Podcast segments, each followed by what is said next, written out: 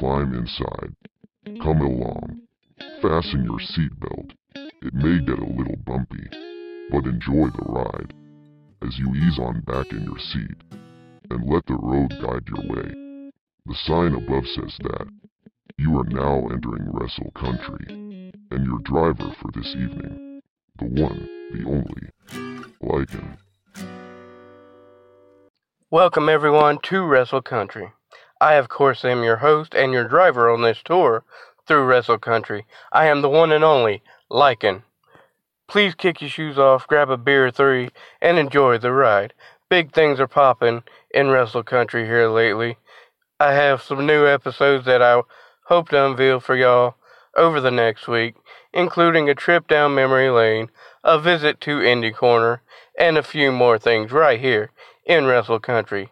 Let's kick things off first with a look in our rear view at the week that was. After that, I will take you to Wrestle Country's Walk of Fame, and then I will give you a look at the road ahead. WWE NXT 2.0. This is a go home show, I guess you'd say, for Halloween Havoc next Tuesday. Carmelo Hayes and Trick Williams come out for an interview. Williams said tonight was a celebration to celebrate Hayes winning the North American Championship against Isaiah Swerve Scott. Melo talked about his success in the breakout tournament. He said he didn't miss against Swerve, and now he calls the shots. He said the North American title was a new A championship and doesn't care what anyone thinks.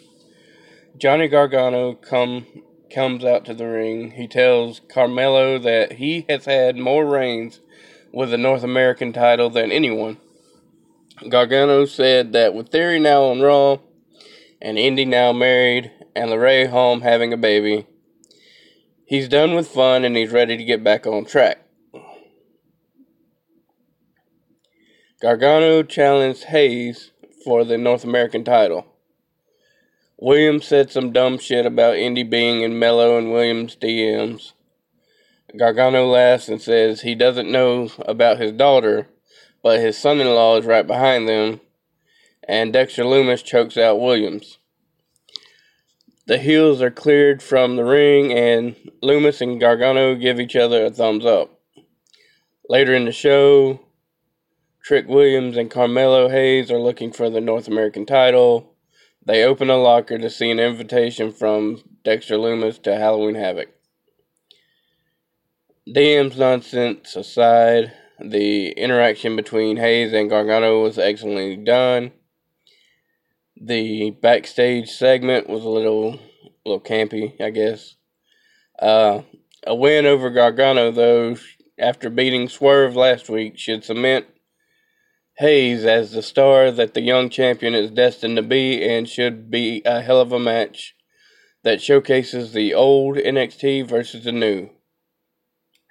I'll go ahead and get the squash matches out of the way for tonight. Uh, match one saw Odyssey Jones defeat Andre Chase in 2 minutes 54 seconds when Jones pinned Chase after World's Strongest Splash. Ah, Say that five times fast, huh? Anyway, match five, Tony D'Angelo defeated Ru Feng after a fisherman backbreaker for the pin in a minute and 44 seconds. Match 7, LA Knight defeated Gray- Grayson Waller in 2 minutes and 43 seconds to become the host of Halloween Havoc after he hit a blunt force trauma for the pin. The Odyssey Jones Andre Chase feud is not getting over at all, in my opinion. Just scrap it and move on would be the best thing they could do. And why the hell are we jobbing Grayson Waller over a nonsensical fucking role that will mean jack shit the week after next, if it even means anything next week? Uh, we got Malcolm Bivens cutting another amazing promo for Diamond Mine. This guy is so much in the right spot that I'm afraid they'll draft him to Raw or SmackDown. Match 2 saw Imperium defeat the Creed brothers in 5 minutes and 35 seconds after Kushida and Ikemen Jiro came out to brawl with Roderick, Roderick Strong and Hachiman, which caused a distraction, allowing Barthel to roll up Julius Creed. Post match, MSK attacked Imperium. They hit some big aerial moves on Imperium and motioned that they challenged Imperium for a match at Halloween Havoc. This was the toughest challenge for the Creed brothers to date. They are used to beating up jobbers. Julius Creed getting distracted gives the Creed brothers an out for their first loss, but they did fairly decent against former tag champions. Imperium, however, took it to the boys and showed them that they still had some learning to do. The team of Jiro and Kushida could be a very formative team, and I will enjoy the match between them and the strong Ikemen, or Hachiman, rather. Ikemen's the other guy. team. Uh, and also the tag title match next week should be fire between MSK and Imperium. Uh, you also got a segment where Kyle O'Reilly meets Von Wagner in the woods. Now, when they started picking up the logs, I honestly thought for a minute that they were gonna go on Steve Austin's Broken Skull Challenge together or some shit. I dig the team, but this was kind of a miss for me. Joe Gacy cut a promo. Joe Gacy put his hand on a plexiglass like window. Harlan was shown on the other side. This character has graduated from annoying to batshit fucking mental. The bad part is, I think I'm starting to enjoy it, and the addition of Harlan to the act has been getting very interesting. All right, now we got some NXT Women's Tag Title implications. Uh, match four. Io Shirai defeats Persia Pirotta and Jacy Jayne after hitting Pirotta with the moonsault for the victory. This match was to see who would spin the wheel for the stipulation for the NXT 2.0 Women's Tag Titles match at Halloween Havoc. When Shirai and Stark spun the wheel, it landed on Stairway to Hell ladder match. All three women were on fire in this one. The stipulation might have been pointless, but it gave the women something to fight for instead of just being a lead up match. I honestly thought Indy, Indi and Persia were there just to take the loss to Jacy Jayne or Gigi Dolan, but with the latter match, if this is done right, it can make all three teams look very strong. Uh, Legado and uh, Legado de Fantasma, rather, were in the ring. Escobar talked about Carmelo Hayes being lucky to be North American champion. Elektra Lopez tried to speak but was cut off by Cora Jade's entrance.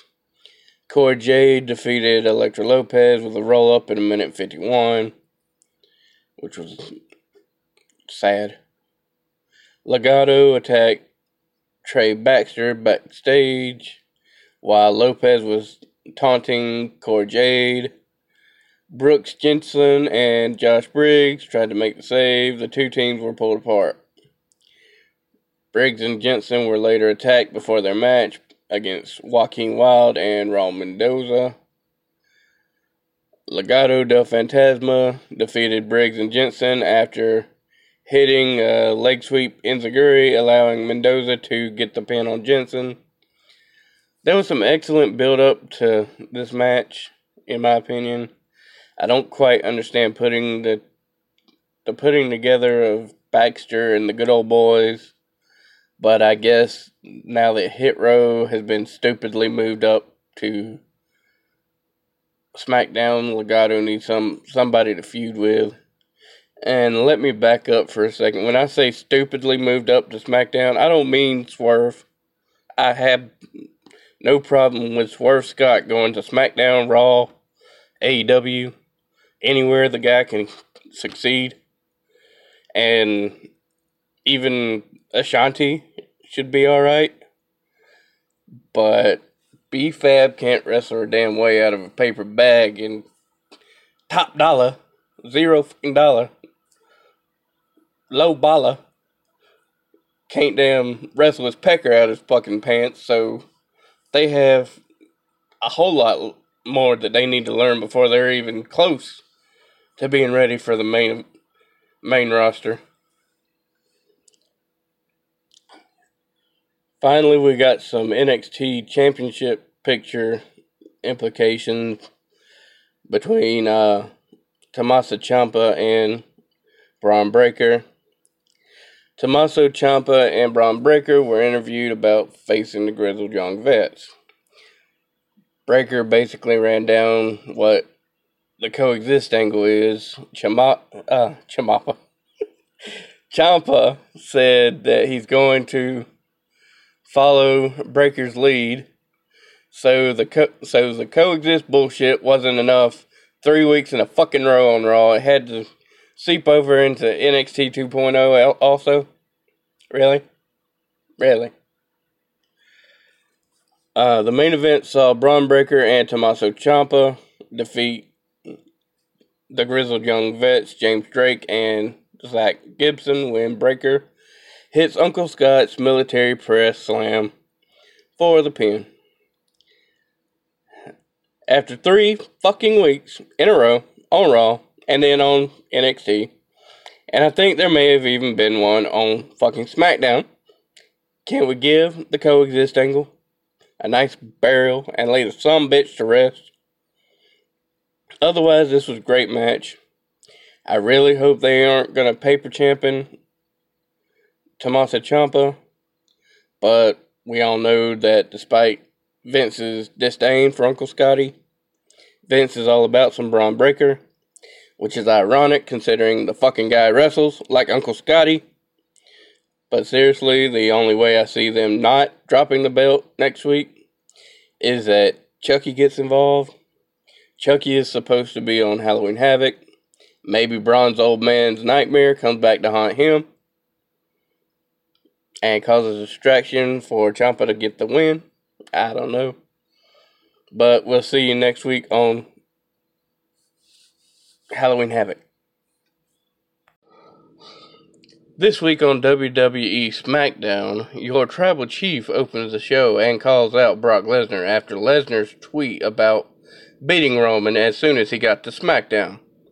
After some time and a commercial break later, Reigns gets ready to leave, but Brock comes out and destroys Reigns. Usos try to make the save but are taken taken out. Lesnar starts throwing everybody around. Adam Pearce suspends Brock Lesnar indefinitely and eats an F5 for it. So, WWE has fucked themselves so badly on the SmackDown side of things that we are seriously about to get this whose ass is Paul Heyman kissing bullshit for the next year. Is this how you want to kill the tribal chief?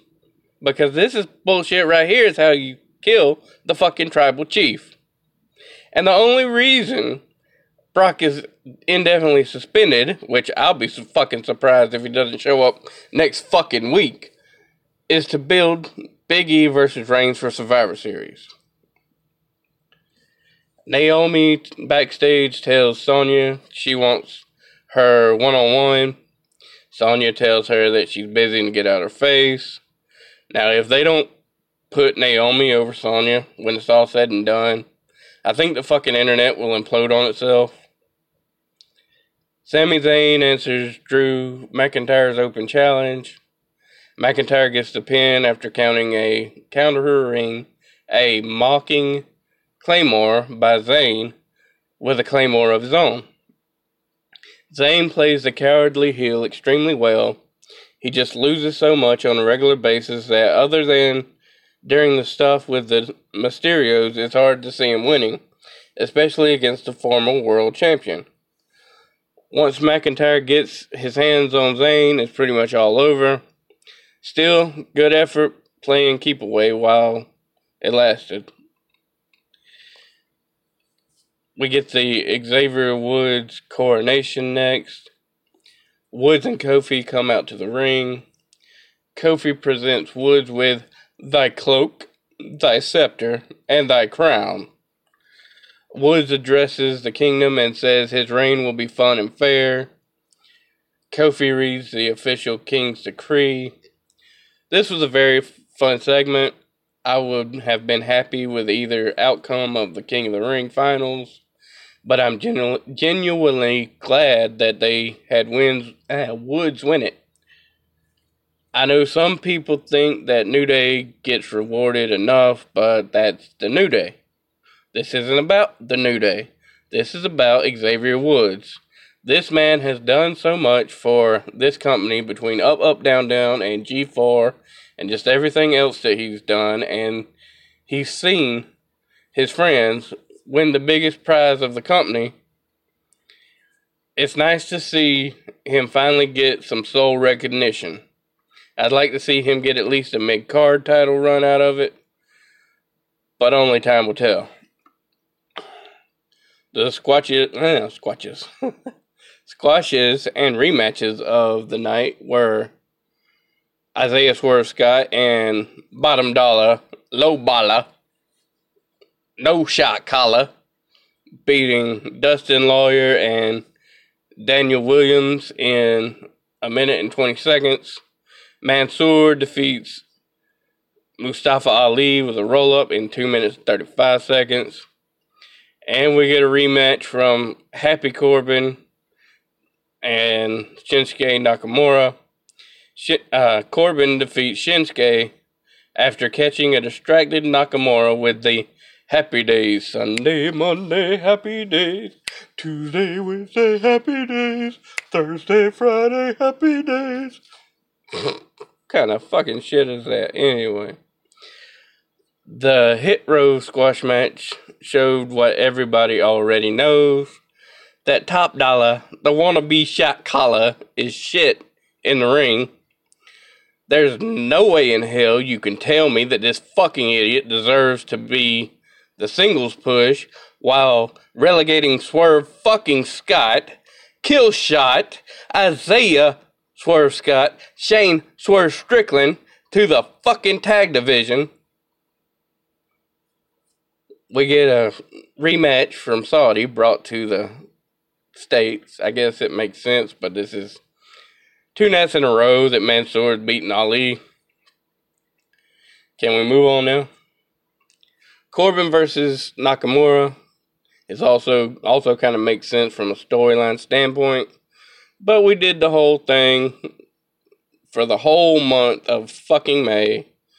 I believe it was maybe either May, June, March, some some sometime damn this earlier this year. I don't want another month of this bullshit, with or without the new Dick Tracy villain reject gimmick. We get the women's title trade off to end the show. It wasn't a match. It wasn't a. It wasn't a unification. It wasn't anything. We get a trade off like they're. Anyway. Becky cuts a promo backstage about the trade off and T's becoming Becky Two Belts. Charlotte says in her backstage promo that Becky better hand over the belt like she has handed her briefcase her half her uh, career. The two champions come out to the ring. Charlotte hands the Raw title over to Sonya Deville. Becky tried to take the belt and threw the SmackDown belt at Charlotte's feet. Charlotte proposes a winner take all match for right here, right now. Sasha came out and said that Charlotte is not going to just come in and take over SmackDown. Lynch left the ring and said she was off to Raw. Charlotte and Sasha exchanged some trash talk and they brawled. Sonya Deville stood between them as the show went off. Now, last night there was some reports that there was a heated argument backstage. Charlotte was pissed that the segment made her Raw title reign looked weak.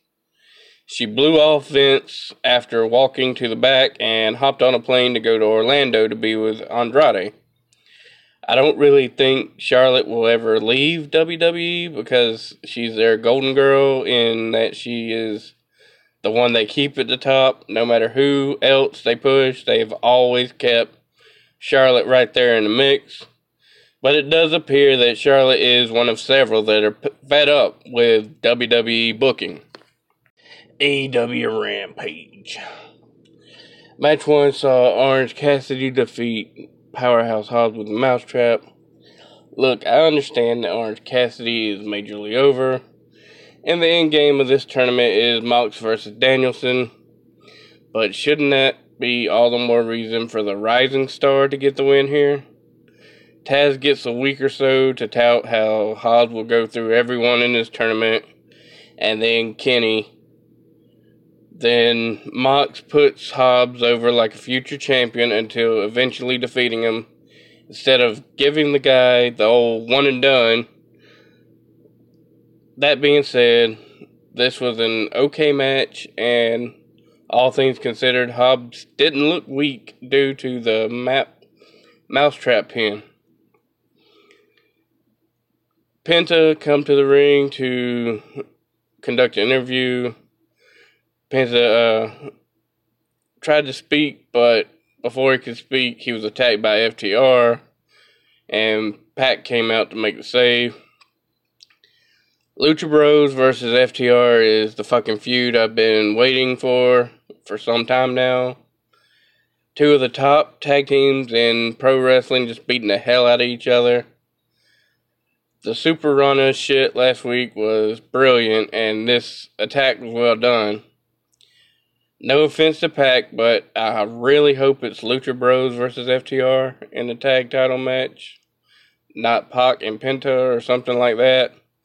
The free bird rule should be allowed nowhere near this match. Match 2 saw Dr. Britt Baker DMD defeat Anna Jay after a super kick followed by the lockjaw. Post match, Britt Baker went for the lockjaw again. Tay Conti came out to make the save. This was kind of meh for the women here, but it was obviously used for two different feuds that are bigger than this. The women's title feud between Conti and Baker, and Adam Cole versus Jungle Boy. The AEW TBS title brackets were revealed. Thunder Rosa, Jade Cargill, Nyla Rose, and Kris Statlander get a first round bye for being the rest of the top five in AEW after Tay Conti. Thunder Rosa in the quarterfinals will face the winner of Anna Jay versus Jamie Hayter. Jade Cargill in the quarterfinals will face the winner of The Bunny versus Red Velvet. Nyla Rose in the quarterfinals will face the winner of Serena Deeb versus Hikaru Shida. Rematch. No 50 wins for you, Miss Shida. Kris Statlander in the quarterfinals will face the winner of Penelope Ford versus Ruby Soho, which took place on Dynamite and was won by Soho. Now, I predict the tournament will probably look a little like this. Quarterfinals Rosa facing Hayter, Cargill facing Red Velvet, Rose versus Deeb, and Statlander, of course, versus Soho. Semifinals will probably be Rosa versus Cargill, Statlander versus Rose, and the finals will be Rosa faces Statlander, and Thunder Rosa wins the whole thing. Either way, some of these matches could be some great women's wrestling, and some are going to flop faster than my fat ass coming off a diving board. The main event of Rampage saw Pac, Pac defeat Andrade and El Idolo when he counters Andrade's finish for the roll up and the pin. Post match, the lights went out and Malachi Black appeared to spit in Pac. Why do I keep calling Pac? Pac's face. Black was going to hit Pac with a chair, but Arn came out and signaled the Glock, after which Cody attacked both Black and Andrade. This was an excellent fucking match between both these men yet again. I know I usually shit on rematches, but not when they are this well fucking done. Corbin Corbin versus Nakamura, fucking garbage. This shit right here, this shit right here is fucking fight forever shit. And I don't know what hole we fell down into to get Andrade on the side of House of Black, but damn it, stay in that hole. Pac and Cody versus Andrade and Black. Take my motherfucking money, please. This week on AEW Dynamite, we started off the show with a first round match in the AEW World Title Eliminator Tournament. Bryan Danielson defeated Dustin Rhodes after Dustin passes out while in a submission hold. This was the first time ever match, believe it or not, and an absolute banger of a match to start off Dynamite. Both men fought tooth and nail, and there were quite a few spots where you almost believed Dustin could get the win. We all know where the Eliminator is leading up to, which will be a fire ass match, but damn it if the road to the finals ain't a hell of an enjoyable ride as well. Tony Nese was in the crowd. If AEW just picked up Nese, it will be a hell of an acquisition for the company. I hope they keep teasing him in the crowd right up until the point where they actually use him to one add the mystique that anyone can show up in an AEW crowd and to keep the people guessing who exactly it is he's scouting. The Super Kliq are backstage. Next week it will be Dark Order versus the Elite again. Kenny said that he carried Hangman in their tag team while Hangman just played cowboy. He said if the fans knew Hangman, they wouldn't chant cowboy shit but coward shit. Another attempt by the Elite to be funny. They actually are a great heel faction. But their comedy here has been here lately has been pretty hit or miss. In a vignette, FTR talks about needing the AEW tag titles to be the greatest tag team of all time, which I'm pretty sure they already had a reign with the AEW tag titles. But still, uh, we get a Penta vignette immediately following where Penta tells FTR that they were coming for revenge Cut back to FTR, and they threaten to give Alice, Alex a lot worse than a black eye next time. I love this style of vignette promo. It's not quite a face off, but still call and response. And I can't wait to get the match at Full Gear. Sting comes out to provide an update on Darby Allin's status. MJF cut Sting off without getting a word out and talk trash called Sting Darby's Emo Daddy. MJF says the sad truth is Darby isn't coming back. He says let Sting let Darby get injured like he did Lex Luger. Sting cold-cocked MJF. Wardlow and Spears came out to attack. Spears hit Sting several times with a chair. MJF sat down in the chair, and Wardlow propped a fallen Sting on MJF. MJF asks if he has broken Darby yet and that he is the past, present, and future of professional wrestling. The Pinnacle members leave. Sting tries to get up but is knocked, da- knocked back down with a punch with a diamond ring. Now, my lifeline, my lifelong streak as a Sting mark aside, this segment was fucking amazing. It pulled the right strings, in my opinion, with both Sting and the fans. MJF is just fuck, fucking hateable, but respectable at the same time. One of the top heels, without a doubt, in the business. I'm looking forward to Darby Allin and Sting's rebuttal. Dar- uh, Britt Baker, rather, in a backstage promo, says that she will face Ty Conti for the AEW Women's title at full gear. She says all Ty knows how to do is shake her ass, but at full gear, Baker would kick that ass. Great promo by the doctor here. I mean no disrespect for Conti, but I don't understand why we get Conti as number one when there are more talented women on the roster that should be getting the title shot, namely Rosa, but they don't want that one yet. Swole would be nice, but she's lost in oblivion somewhere. Deeb. Hate her if she wasn't Britt's lackey. But I will say that Tay is vastly improving. There's just no chance in hell. No chance! That's what she got. Up against the machine too strong. No chance in hell that she beats Baker at full gear. Ruby Soho defeats Penelope Ford after the bunny got caught trying to hand Ford the brass knuckles, and Soho got a roll up on the distraction to advance in the TBS title tournament. Post match, Bunny and Ford tried to beat down Soho, but Red Velvet made the save. Another meh women's match. Ford is not the caliber wrestler to put against the likes of Soho, but Soho versus Statlander has the potential to be very good.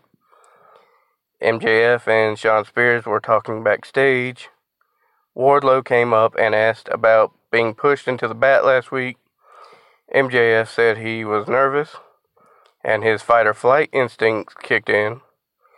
He made Shawn Spears Wardlow's accountability buddy for watching MJF's ass, to which Spears replied with, Hey. Fucking Spears, man. Absolutely hilarious. Also, they are planting the seeds for the Wardlow and maybe Spears' turn. I enjoy Wardlow and Spears as a team on Dark, so I really do hope that if they turn, they turn together. Bobby Fish defeated Anthony Green in a squash match at a minute and 59 seconds. Post match, Fish sees Green pulling himself up and attacks him. CM Punk makes a save. I expected more out of this match. Green has really been impressive on AEW Dark lately. So I thought that they were going to give him the Lee Moriarty treatment. The match didn't live up to, I guess, the hype that I projected on it, but the match between Punk and Fish definitely should. Lio Rush and Dante Martin are backstage. Rush says he wants to be, uh, wants to mentor Martin to the highest he can possibly get. He said Sydal failed to take Dante to the next level. They disagree on how good Sydal is. Next week, Lio Rush and Dante Martin will take on the Sydal brothers. Easily one of the best matches of n- next week. I like the angle they are working with Rush. I think he will try to turn Martin either heel or and either Martin will reject it and feud with Rush or will accept it and feud with his brother when Darius returns. Match 4 saw Eddie Kingston defeat Lance Archer to, with a roll up to advance in the Eliminator tournament. There was a fucking scary bump where Archer landed on his head. He did, however, say on the Twitter machine that he was good, so I'm glad to hear that. This was otherwise a very good match. Both men beat each other from the opening bell till Archer took the bump. This was almost thrown out, but Archer bravely decided to give the match a finish, which I respect the hell out of. Dan Lambert and the Men of the Year cut a promo. Ethan Page said that the inner circle sucks and will proceed to explain why. When he got to Sammy Guevara, Sammy came out on stage and told them to shut the hell up. He said, Men of the Year, bitch and moan while he works his ass off. Lambert tells Guevara he and the inner circle can face ATT and the Men of the Year at full gear if Sammy beats Page next week. But if Sammy loses, Sammy must leave the inner circle. Sammy accepted but said that he gets to choose the three members of top team for the full gear match if he wins. Sky told Guevara to accept this beatdown. Men of the Year attacked Guevara but were chased off by the rest of the inner circle except for Jericho. Great exchange here. Page and Guevara should be a really good match. I can see Lambert weaseling his way into a title match for Sky also. While I think it would be funny if Guevara, say King Mo, and or Bobby Lashley, as part of the t- three top team members, I'm pretty sure we're getting Masvidal, Dos Santos, and Vanderford. Moxley cut a backstage promo. He talked about his daughter. He said the only thing he cares about is returning home to his kid, and if he has to hurt people to do so, then so be it. He says maybe he'll just win the whole damn tournament. Poor guy looks like he hasn't slept in shit, slept for shit in ages.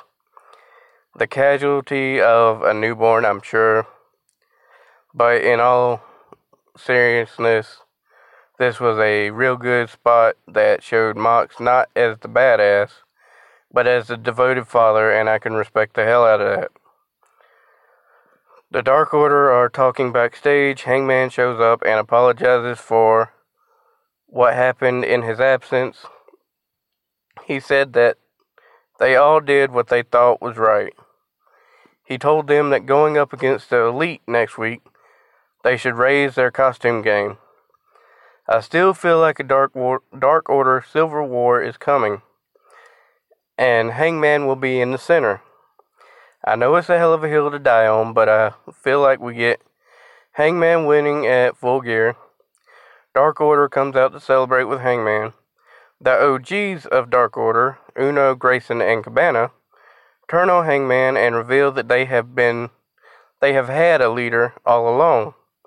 A man we know as Wyndham. Maybe even Wyndham Lee, the brother of the late Brodie Lee. Jungle Boy defeated Brandon Cutler with a snare trap in about less than a minute. Post match, Jungle Boy calls out the Elite and applied the snare trap once again on Brandon Cutler. Cole came out. He said they could fight right here and now. Cole got on the apron, but the Bucks caught Jungle Boy from behind with the super kick. They pulled him to the stage and hit the BT trigger then threw him off the stage. Damn. Who the hell doesn't want a piece of the elite at this point? They got everybody on the fucking roster feuding with them. I usually complain the Bucks are jarreting themselves, but it's not so much the matches I have a problem with, it's the rate at which they lose, which they put people over. The Bucks, Kenny, and for that matter, Cody Rhodes have gone over enough.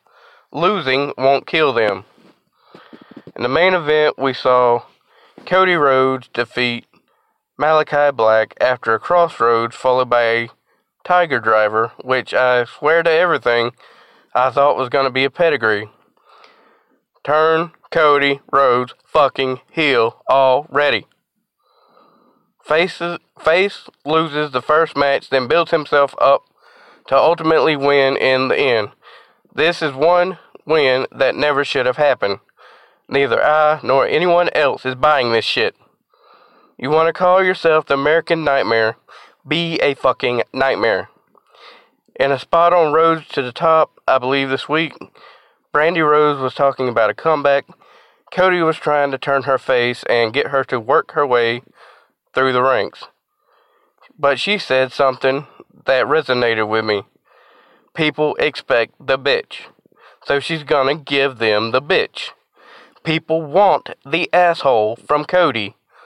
The fucking American nightmare, if you will, from Cody. Fuck this. Oh, I just want to play nice for the kiddies. You can do that shit and still be the asshole on TV. Some of my favorite wrestlers in my childhood were heels.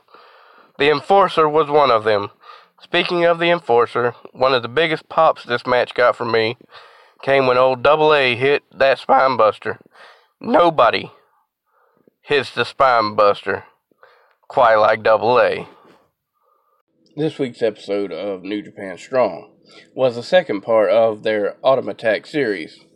Match 1 saw Chris Dickinson defeat Alex Coughlin when Dickinson reversed a slam by Coughlin into an armbar and kicked the shit out of Coughlin's head until the tap out. This match was about 95% just great mat wrestling that intrigued the hell out of me. They also incorporated other styles, including a spot where both men just went shot for shot. The way that they sold how grueling this match was added a legit feel to it for me, and I was thoroughly entertained throughout this one. Match 2 saw the mega coaches Rocky Romero and Ryusuke Taguchi defeat West the West Coast Wrecking Crew of Royce Isaacs and Jorel Nelson when Romero counters an aerial attack into a backslide for the pin. Now I'm a big fan of the Wrecking Crew, but I also find the Mega Coaches entertaining. Mega Coaches worked a mostly comedic style here, while the Wrecking Crew were their usual no BS hard hitting selves and the Wrecking Crew just went for one too many moves, and the veterans were able to capitalize. Match 3 saw TJP, Clark Connors, Lio Rush, and Juice Robinson defeat Bullet Club's ELP, or El Phantasmo, Taiji Ishimori, Hikuleo, and Chris Bey by DQ when Hikuleo hit Juice Robinson with the cowbell that Juice had brought to the ring to put over the bull rope match between the two men sometime later. This was your typical car crash multi man match, but was very fun. Also, nice to see Chris Bey join the rest of the Bullet Club outside of Impact. The DQ finish took away from this a little for me, although it was done in a way to put over the bull rope match, which I'm definitely looking forward to. In our main event, we had Will Ospreay defeating Karl Fredericks with the Hidden Blade after a hell of a match. Post match, Ospreay gives Fredericks a show of respect, but then attacks him. Clark Connors and TJP come out to make the save.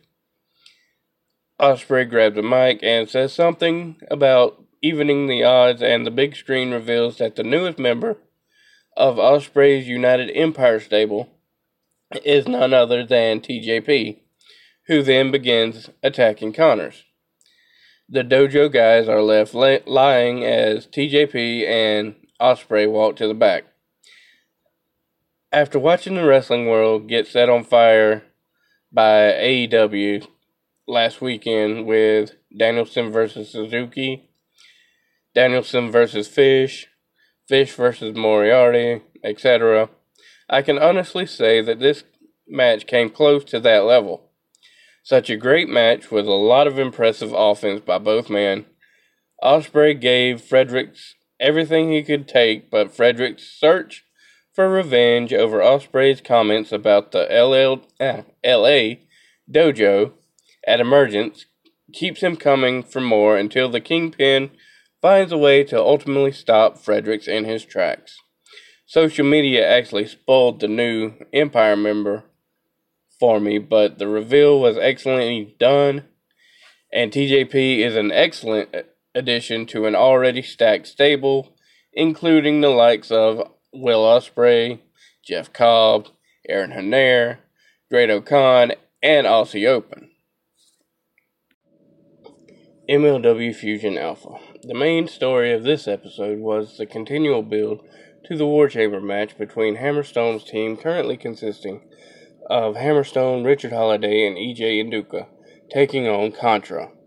And in this particular case, Holliday's fight with both Contra and Azteca Underground.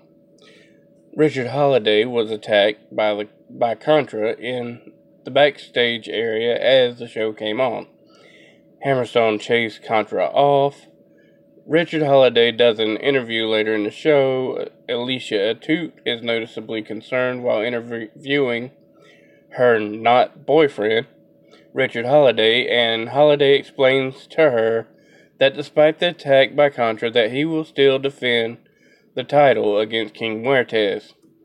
Later, while trying to conduct an interview with Bud Heavy, Atout is approached by one of Cesar, Cesar Duran's henchmen who tell her that Duran wants to see her in his office.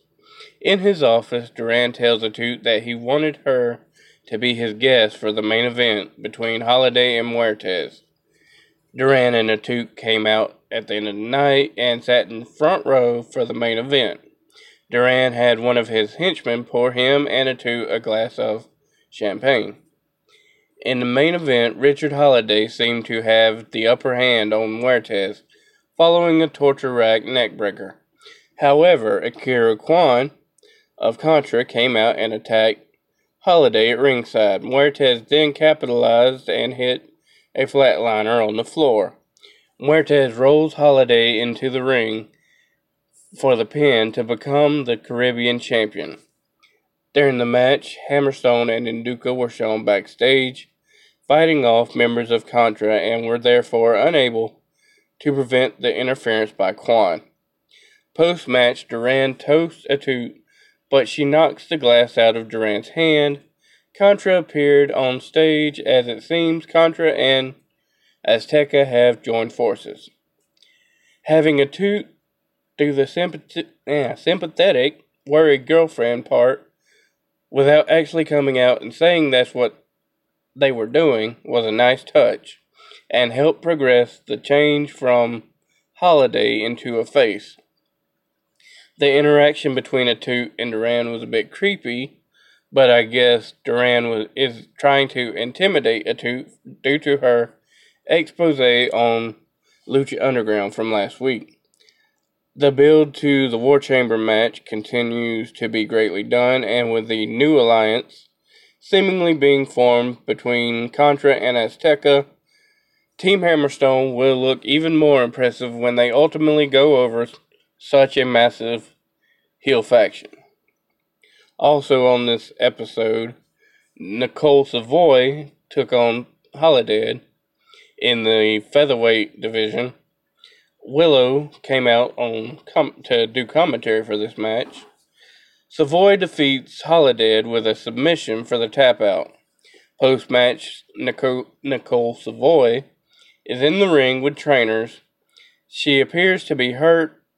Willow is attacked while heading to the back by Holidead, who just wails on her with a chain.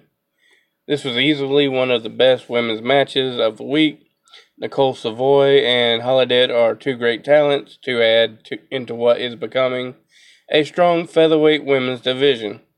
Both women fought hard here and either could have won this match, but Savoy used her ring awareness and was able to catch a submission that would put Hol- away. I'm not sure what exactly caused the injury to Savoy, but ProWrestling.net reported that it was a bruised sternum and that she should back, bounce back soon, which is great news. I hope to see her back and kicking ass real soon. Holidead's attack on Willow was just brutal. It's interesting to see someone of Holidead's size essentially be the monster heel of sorts, but could be very beneficial to this division. Also, in Opera Cup news, we saw Calvin Tankman defeat Matt Cross to advance when he hits a back elbow for the pin. Post match, Matt Cross complained that Tankman poked him in the eye to get the win and should have been disqualified. The super heavyweight Tankman continues to impress. Tankman reminds me a, a little of a younger Keith Lee or maybe a powerhouse Hobbs a big man who can absolutely work his ass off and looked even better against the likes of Matt Cross. The post match with Cross was interesting, and I guess they are getting ready to turn him heel. I just hope that that with this he should have been disqualified spot. They aren't going with a character similar to what Sami Zayn has been doing. I'd rather see Cross screw over Tankman and join Top Team or something like that, to be honest. Impact Wrestling. This week's Impact Wrestling episode was the go home show for Impact's Bound for Glory pay per view. Match one saw the number one contenders match for the Impact Tag titles at Bound for Glory when Finjuice versus Bullet Club's Hikuleo and Chris Bey end in a no contest. During the match, the original referee was knocked down by Chris Bey and David Finlay. A new ref came down, and after some more wrestling, Juice gets the pin on Hikuleo, and the new ref begins to count. But at the same time, Chris Bey rolls up Finlay, and the original ref counts. Both counts get to three, and the refs argue going into commercial. After the commercial, the argument continues backstage with Scott D'Amore. Scott D'Amore says that he would announce who would face the Good Brothers at the end of the night. D'Amore would later announce that the match at Bound for Glory would be the Good Brothers defending against both Finjuice and Bullet Club in a three way. anyway, I figured we'd get a triple threat match, and this was definitely one way to get there. I personally would have preferred Good Brothers interference to attempt to keep either team from getting a shot then having D'Amore turn it into a triple threat. Uh, we got a Josh Alexander career video showing Alexander from growing up poor and being bullied in school to where he is now. He mentioned his first job as a tire tech and having Fridays off for pro wrestling school he had a neck fusion which almost caused him to retire. He talked about his work on the independence and how he had to go through so much to leave Canada to wrestle in the U.S. He talked about his X Division Championship win against Sabin and how people said he beat the best X Division champion. He said they wanted to know what he could do next. Alexander said that he has everything but experience over Christian, but the experience means a lot. Impact Wrestling really brings it when they do a video package, and this was an excellent feel good story for him to go from a dirt poor kid being bullied in school, and believe me, I can completely relate, to possibly the best X Division champion. Match two, we had a triple threat mixed tag match between which saw John Skyler and Tennille Dashwood defeat Chelsea Green and Crazy Steve and Jordynne Grace and Fallah Bahh. When Dashwood hit Bahh with a spotlight kick, kick for the pin. This was a preview to the six way at Bound for Glory for the Digital Media Championship.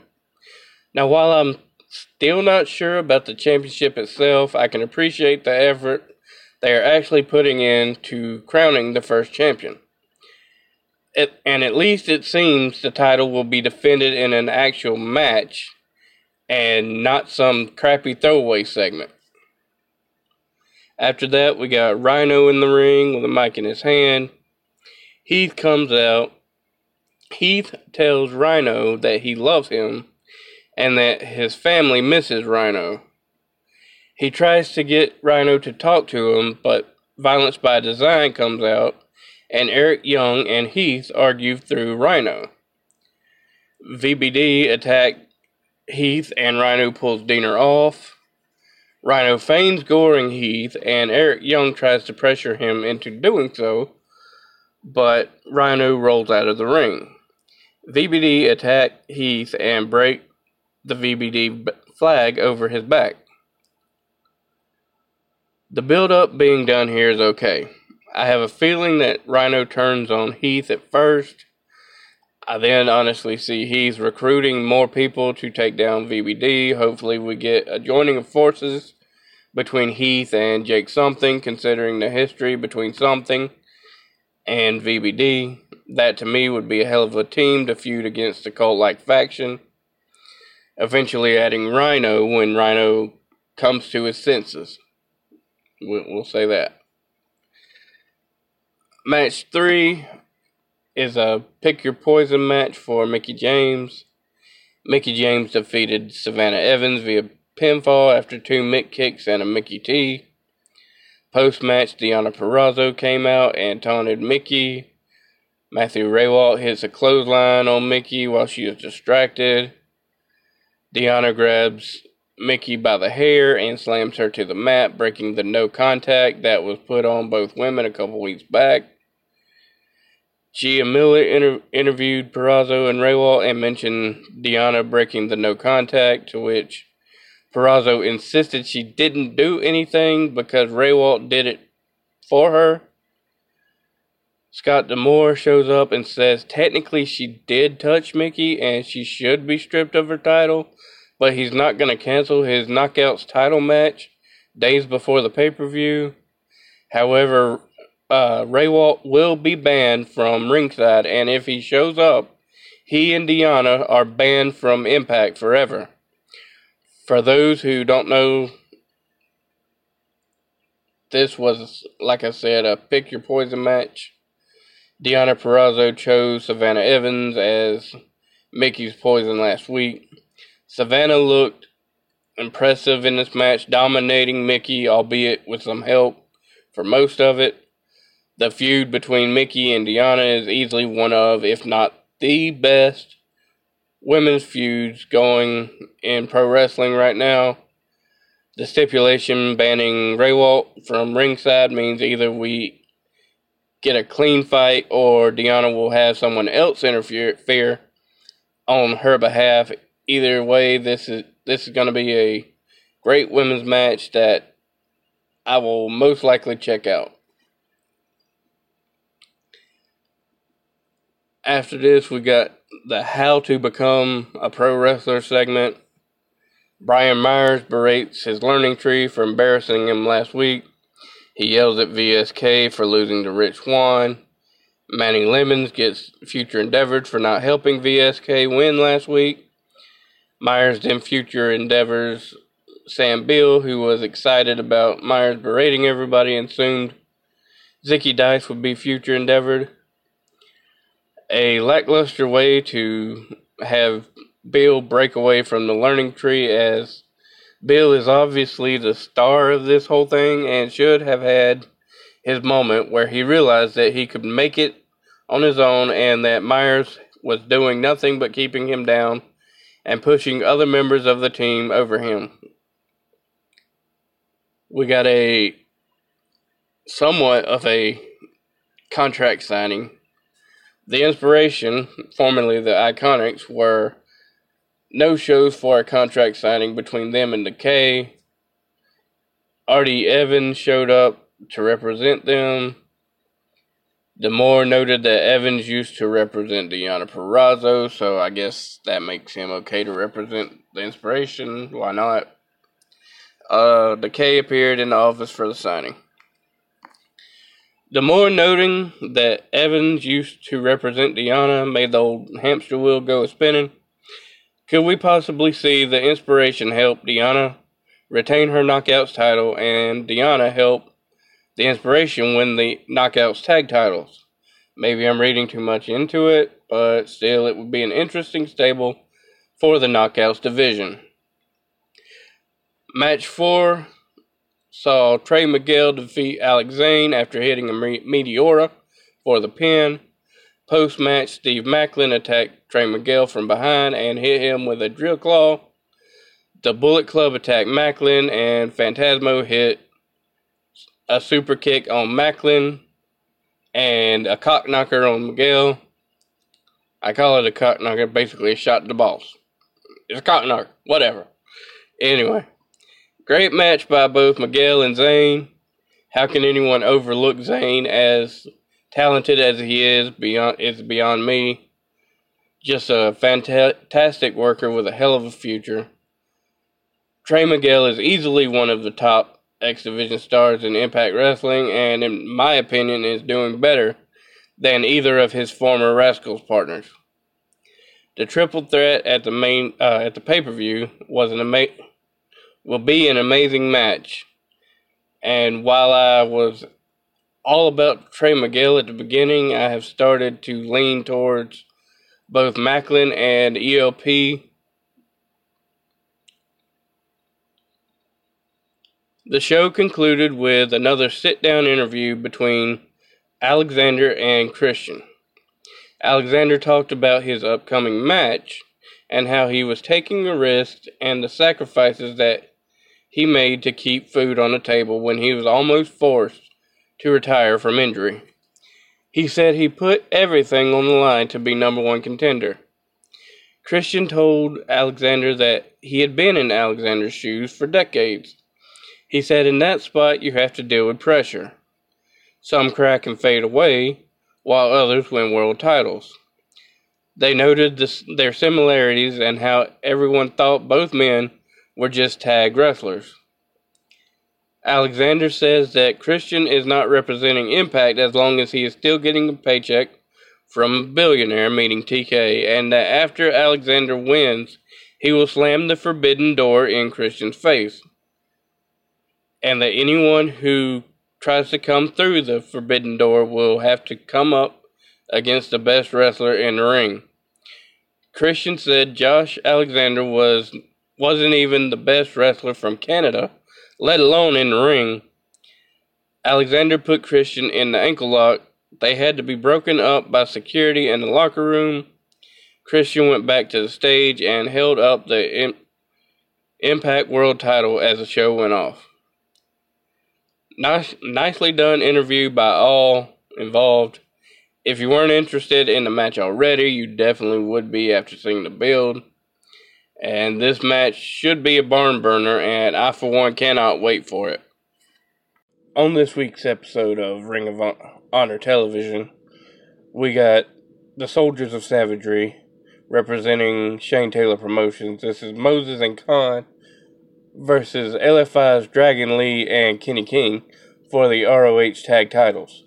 LFI controlled early on against Kaun. Moses got the tag and SOS started to make a comeback. Kaun had King pinned, but Bestia Del Ring distracted the ref. Shane Taylor came out and got in a shoving match with Bestia. King was able to hit the Royal Flush on Kaun, followed by the Liberator from Lee. Moses tried to make the save, but was kept at bay. Winners and still champions, LFI.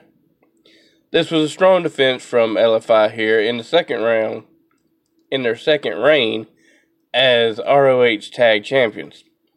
There was a distraction by Bestia, but Shane Taylor came out and nullified that. The feud between LFI and Shane Taylor promotions is easily becoming one of the best things in Ring of Honor not pertaining to the Pure Division.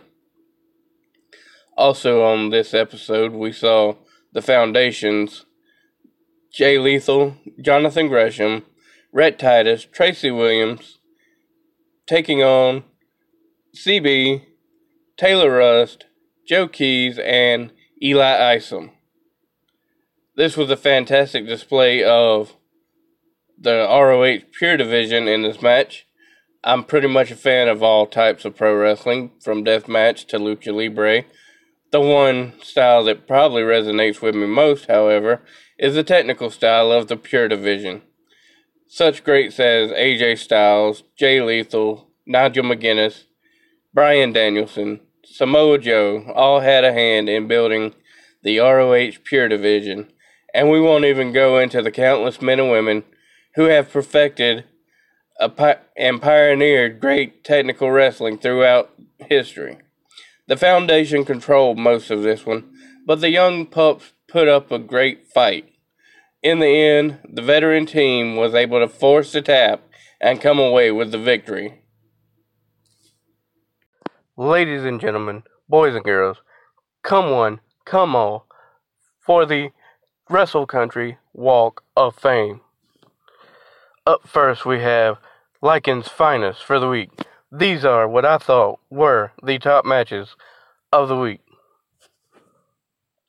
Number 10 from Ring of Honor Television. The Foundation taking on Eli Isom, Joe Keys, Taylor Rust, and world famous CB. Number 9, also from Ring of Honor Television. LFI takes on SOS for the ROH Tag Team titles. Number 8, Cody Rhodes takes on Malakai Black, on AEW Dynamite. Number 7 from MLW Fusion Alpha. Calvin Tankman takes on Matt Cross. Number 6 from AEW Dynamite. Eddie Kingston takes on Lance, uh, Lance Archer. Number 5 from New Japan Strong. Chris Dickinson takes on Alex Coughlin.